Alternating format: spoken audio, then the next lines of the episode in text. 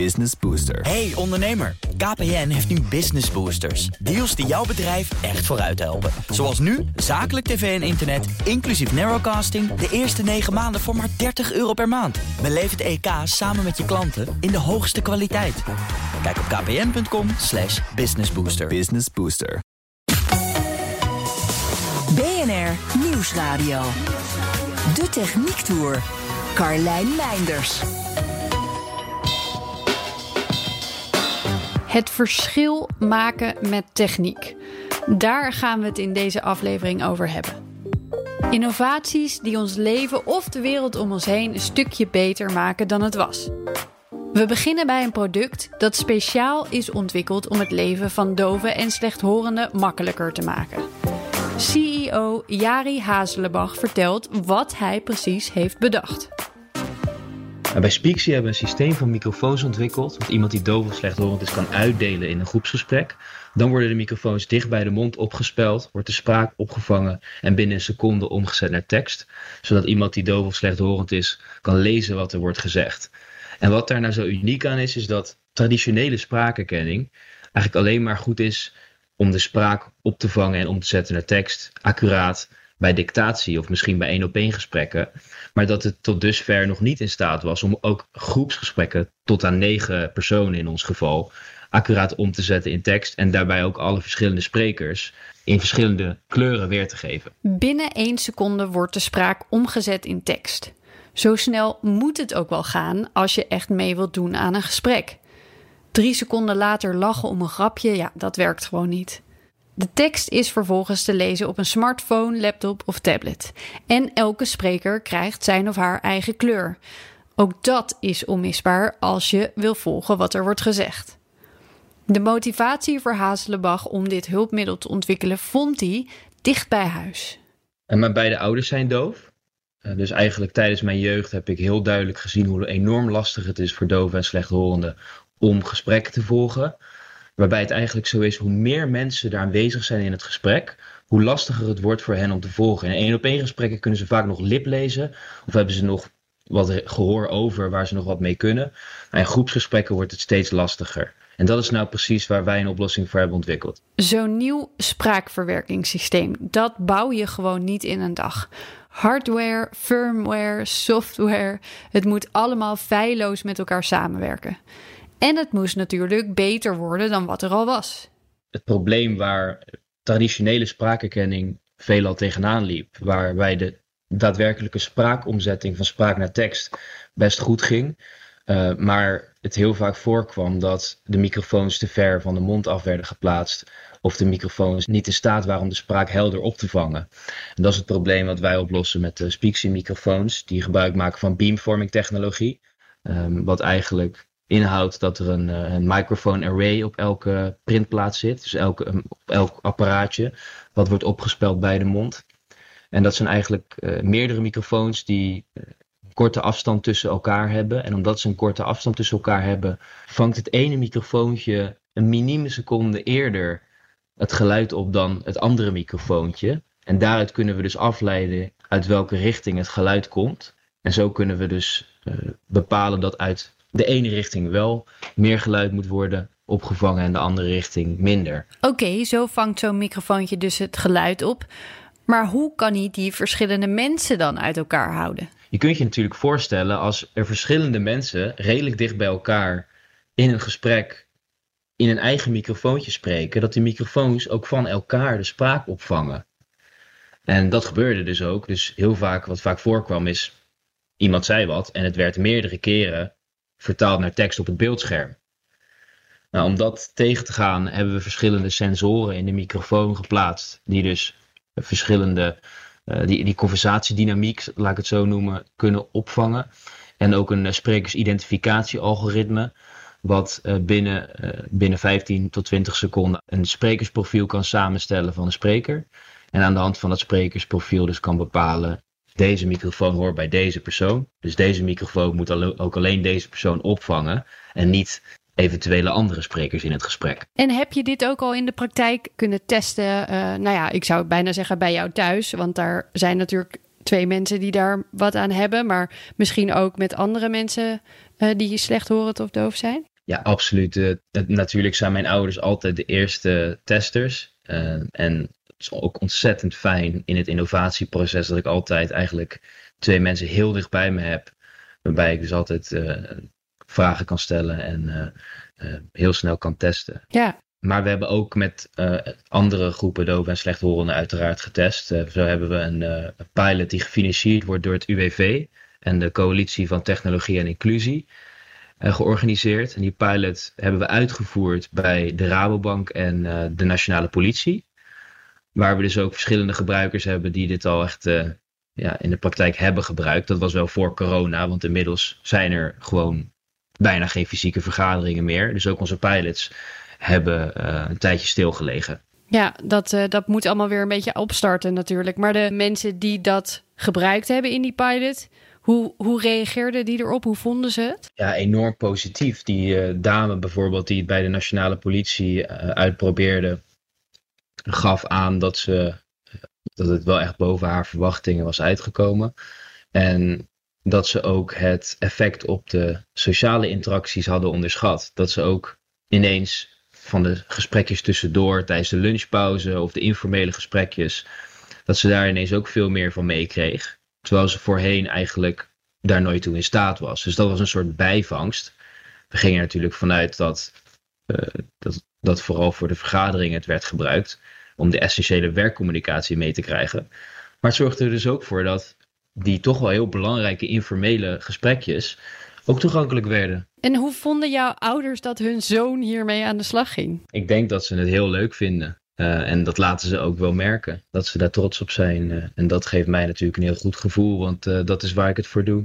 Voor mijn ouders en ook voor nou ja, die vele andere doven en slecht horen. Die op dit moment geen toegang hebben tot heel veel belangrijke communicatie. Tech met impact. Daar gaat het over in deze aflevering. Waar willen ze bij Speaksy in de toekomst nog aan werken? Ik zou me kunnen voorstellen dat we als volgende stap dit ook met een centrale microfoon mogelijk willen maken. Dus op dit moment is het nodig dat elke spreker uh, de microfoon dicht bij de mond opspelt. En dat zorgt ook echt daadwerkelijk voor het opvangen van het meest kwalitatieve geluidssignaal. Dus op dit moment is dat nog heel belangrijk. Maar in de toekomst willen we het zeker mogelijk maken om bijvoorbeeld één microfoon op tafel te zetten die eigenlijk hetzelfde kan als wat Speaksy op dit moment kan. En daar is nog wel behoorlijk wat innovatie aan de audio-signaalverwerkingskant nodig. Maar ik denk dat wij met de technologie die we nu ontwikkelen en de inzichten die we nu opdoen, eh, zowel aan de hardware als aan de softwarekant uh, en aan de data science kant, dat we wel uniek gepositioneerd zijn om die stap te zetten. Dat klinkt veelbelovend. En je kunt je ook nog voorstellen dat dit niet alleen communicatiebarrières weghaalt voor doven en slechthorenden, maar ook prima zou werken voor gesprekken waarin mensen elk een andere taal spreken. Ook met de uitdagingen van de huidige crisis wist Speaksy wel raad. Ze gebruikten de techniek die ze al hadden om alle online vergaderingen voor doven en slechthorenden direct te ondertitelen. Mocht je nou zelf technisch zijn en denken: hier wil ik aan bijdragen, het team van negen gepassioneerde mensen breidt nog altijd uit, dus geef ze zeker even een seintje. We gaan het straks hebben over een instrument dat op bijzondere manier het contact tussen mensen verrijkt. Maar eerst zoomen we even uit. Want veel start-ups met impactvolle ideeën worden gedreven door het willen maken van een verschil. Maar ja, zonder inkomsten kun je dat verschil niet maken. Gelukkig kunnen ze in dat geval hulp krijgen om van hun droom ook echt een functionerend bedrijf te maken. Dat kan bijvoorbeeld bij Sijf in Zwitserland. Ik ben ME van der Wolde. Ik woon op het moment in Zwitserland en werk voor een organisatie waarbij we start-ups supporten, financieel, maar ook uh, met capacity building programma's. En deze start-ups die hebben allemaal één gemene deler en dat is dat ze impact-driven zijn, zoals we dat noemen, of social entrepreneurs. Maar deze hebben allemaal impact in het hart van hun uh, start-up. En dat is voor hen belangrijk en hebben daar een businessmodel omgebouwd om ook ervoor te zorgen dat ze um, kunnen blijven bestaan. Volgens Van der Wolde kun je je als nieuwe ondernemer eigenlijk niet meer vertonen als je maatschappelijke impact niet op de agenda hebt staan. Ook ziet ze dat grote industriepartners steeds vaker kiezen voor investeringen in innovaties met impact. En samenwerkingen met start-ups die het verschil willen maken. Cijf helpt dit soort start-ups dus een paar stappen vooruit. Hoe doen ze dat precies? Um, er zijn een aantal dingen waar we ze het meest mee kunnen helpen. Dat is A, business development. veel uh, start-ups of veel founders zijn vaak ingenieuze mensen met echte uitvinders die uh, vaak aan de universiteit uh, iets hebben uitgevonden en waarmee ze iets hebben om uh, iets mee te starten. Maar uh, daar een business omheen bouwen is natuurlijk iets anders. Dus we kunnen ze helpen met hoe je dat op orde krijgt. Wat zou een verdienmodel kunnen zijn? Waar kan je je investeringen vinden? Hoe werkt dat om een bedrijf op te richten? Daarnaast steken we veel aandacht in impact management, zoals dat heet. Hoe meet je je impact? Ja, hoe meet je impact? Dat is nog niet zo makkelijk, want elke start-up doet iets anders. Vaak worden bepaalde doelen als meetlat gebruikt, zoals de Sustainable Development Goals van de VN. Zo'n duurzame stip op de horizon kan je als ondernemer houvast bieden en het laat aan investeerders zien dat je een duidelijke visie voor ogen hebt. Van welke innovaties wordt Van der Wolde zelf eigenlijk enthousiast? Bijvoorbeeld een prothese voor het been. Dat is een start-up, heet Project Circle Act. Het zijn eigenlijk twee designers geweest. Die hebben gedacht, hé, hey, dit moet beter kunnen in uh, ontwikkelingslanden. Daar is toegang tot goede protheses nog steeds moeilijk en vaak onbetaalbaar. En daarbij hebben ze gedacht, ja, daar moeten we dan ook nog eens het plastic voor gaan gebruiken, wat sowieso te veel is op deze wereld. Dus ze hebben een kunstbeen ontwikkeld van gerecycled plastic. Een mobiele MRI-scanner voor plekken op de wereld waar deze techniek eerst nog helemaal niet toe te passen was. Drones die supersnel plastic opsporen. Er zijn genoeg mooie projecten te noemen. Wat dacht je bijvoorbeeld van deze app speciaal voor onafhankelijke vrouwen? Een soort Fitbit, maar dan uh, voor financiële fitheid. Want in veel landen, ook hier in Nederland en in Zwitserland en in West-Europa, zijn vrouwen vaak nog achtergesteld in hun financiële situatie. In deze app die is er helemaal op toegelegd om ervoor te zorgen dat ze financieel fit worden en ook um, voor zichzelf kunnen zorgen uh, als er de man wegvalt of, dat, of ze alleenstaand zijn. Omdat vaak deze sectoren nog altijd gefocust zijn op mannen. De Techniek Tour. Veel van deze voorbeelden ontstaan vanuit de wens om echt een verschil te maken. Natuurlijk zijn er ook bedrijven die een impact-innovatie erbij doen omdat het leuk staat, of puur om er geld aan te verdienen. Die zullen er altijd zijn, zegt Van der Wolde. Maar ook al is er sprake van zogenaamde impact washing, het is beter dan niets. Zolang daarnaast de discussie dan maar doorgaat. Maakt het haar eigenlijk hoopvol om al die ideeën voorbij te zien komen? Of benadrukt het voor haar vooral alle problemen die nog opgelost moeten worden? Ja, dat is een goede vraag. Ik denk dat het echt uh, beide is. Weet je wat het is met innovatie? Ik denk ook veel in de techniek. En als je gaat over, uh, denkt over reguliere startups, zijn we allemaal op zoek naar die, de grote unicorns. Weet je wel, de, de grote start-ups die, die echt succesvol gaan worden en miljardenbedrijven worden. Maar als je het mij persoonlijk vraagt, denk ik dat bij innovatie belangrijk is om zoveel verschillende spelers, zoveel verschillende start-ups die samenwerken aan een betere toekomst, dat dat nog veel belangrijker en innovatiever is dan dat er af en toe één uitspringt. Dus dat vind ik heel hoopvol. Dat er ook in al deze verschillende sectoren die allemaal één of twee of meerdere SDG's, de Sustainable Development Goals, uh, aanraken. Dat vind ik heel hoopvol. Maar tegelijkertijd denk ik ook soms, ja, het is nog tien jaar. Uh, dat is niet zo lang. Uh, er moet nog een hoop gebeuren. We zijn er dus nog lang niet, maar de bewustwording groeit. Volgens Van der Wolde is duidelijk te zien dat de nieuwe generatie start-ups het echt belangrijk vindt om wat te verbeteren aan de wereld. Wanneer zou ze tevreden zijn? Als we dit gesprek over tien jaar hebben, dat we het niet meer hoeven te hebben, of dat we het niet meer het woord impact aan hoeven te, te plakken, maar dat dat zeg maar de standaard is. Dus dat we eigenlijk een, een woord hebben voor het andere ondernemen. Laten we hopen dat het die kant op gaat. Ben je nou benieuwd naar meer innovaties met impact? Op 17 juni kun je online meekijken met de pitches van een heleboel startups tijdens de uitreiking van de Tech for Impact Awards. Wij gaan nu eerst door naar Ger Schuivens, directeur van Cradle. De Cradle is een product waarmee ouderen en mensen met een verstandelijke beperking op een mooie manier contact kunnen maken met zorgmedewerkers of hun familie. Geluid speelt daarbij een belangrijke rol. Schuivens omschrijft eerst even hoe de cradle eruit ziet. Het is eigenlijk uh, helemaal gemaakt van massief hout. En qua afmetingen moet je ongeveer denken aan 45 centimeter uh, lang, 35 centimeter hoog en 25 centimeter breed. Dus het is echt wel een, een, een, ja, een object. En het heeft eigenlijk een beetje de vorm van een, uh, een rugbybal. De cradle zou eerlijk gezegd niet misstaan in een modern en interieur. Maar is dus absoluut niet bedoeld om alleen maar naar te kijken. Het is namelijk een instrument vol met elektronica dat reageert op aanraking. En hij doet het alleen als je met twee personen bent. Dus het is echt erop geënt dat, uh, dat mensen met elkaar in verbinding gaan. Dus twee mensen gaan tegenover elkaar zitten. Uh, ieder van die twee raakt de kredel aan. Uh, de een met één hand en de ander met de andere hand. En met de vrije hand die ieder over heeft, raak je elkaar aan. En raak je elkaar aan op de huid. Dus op de hand of op de arm of op de wang. Uh, en op het moment dat die aanraking uh, gebeurt, dat dat, uh, dat dat er is, dus dat je een gesloten circuit hebt, twee mensen raken de kredel aan en raken elkaar aan, dan komen er geluiden uit de kredel. Dat kunnen natuurgeluiden zijn, stadsgeluiden, muziek bijvoorbeeld. Maar je kunt ook eigen geluiden toevoegen aan de 15 geluidsbibliotheken. Afhankelijk van hoe twee mensen elkaar aanraken, aaien, tikken, vasthouden, reageert en verandert het geluid.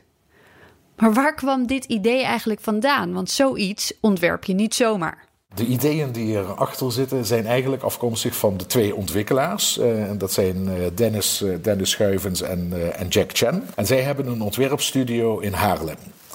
En uh, zij waren uh, collega-studenten aan het uh, programma Architectuur en Ontwerp van het Sandberg Instituut in, in Amsterdam. En ze zijn afgestudeerd in 2012.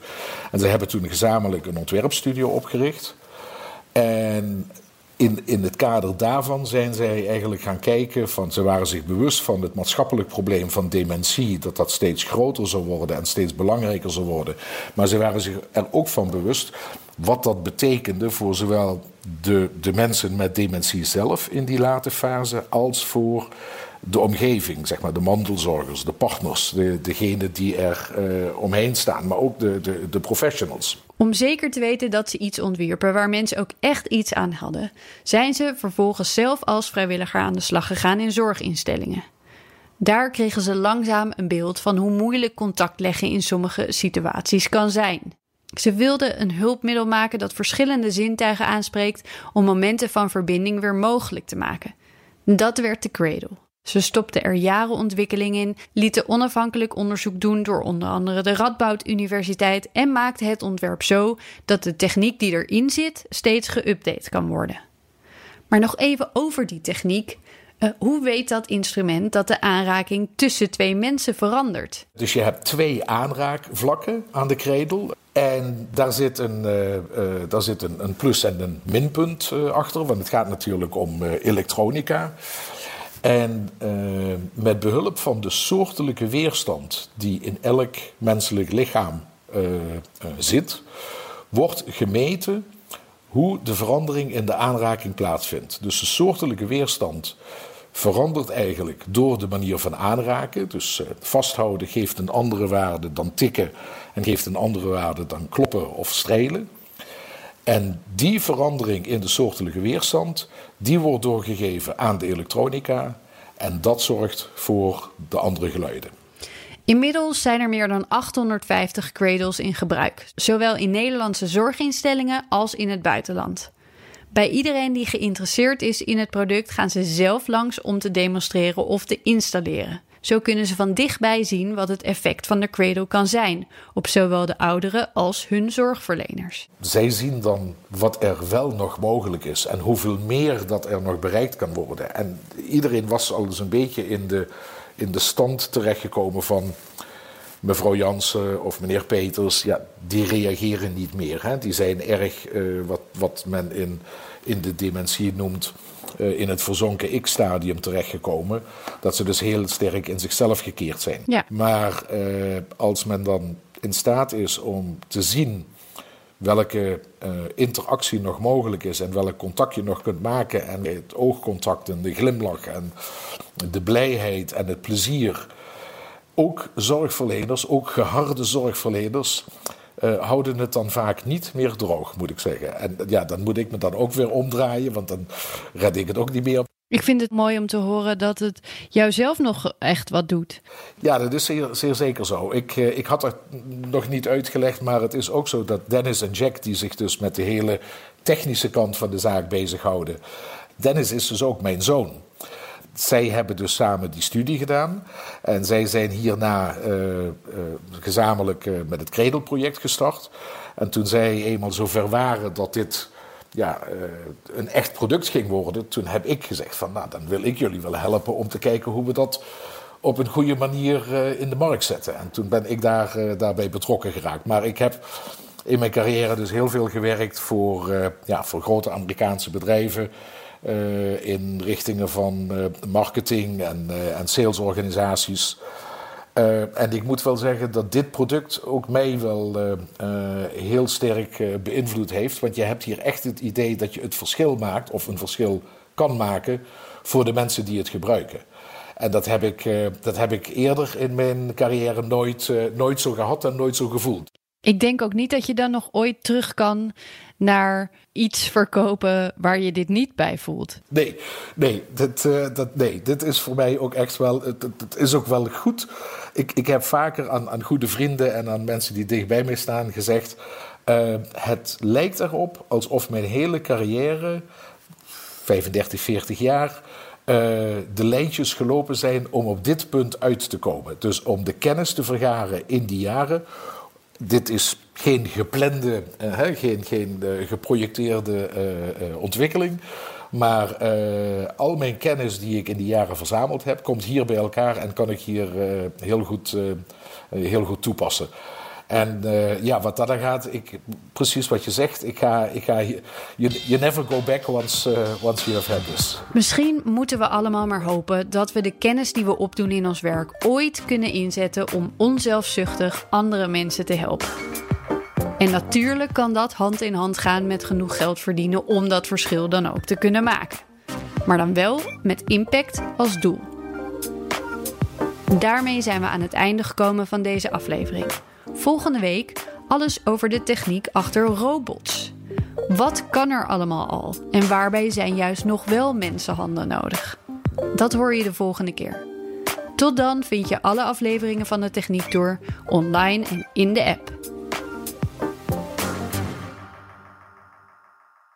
Business Booster. Hey ondernemer, KPN heeft nu Business Boosters. Deals die jouw bedrijf echt vooruit helpen. Zoals nu, zakelijk tv en internet, inclusief narrowcasting... de eerste 9 maanden voor maar 30 euro per maand. Beleef het EK samen met je klanten in de hoogste kwaliteit. Kijk op kpn.com businessbooster. Business Booster.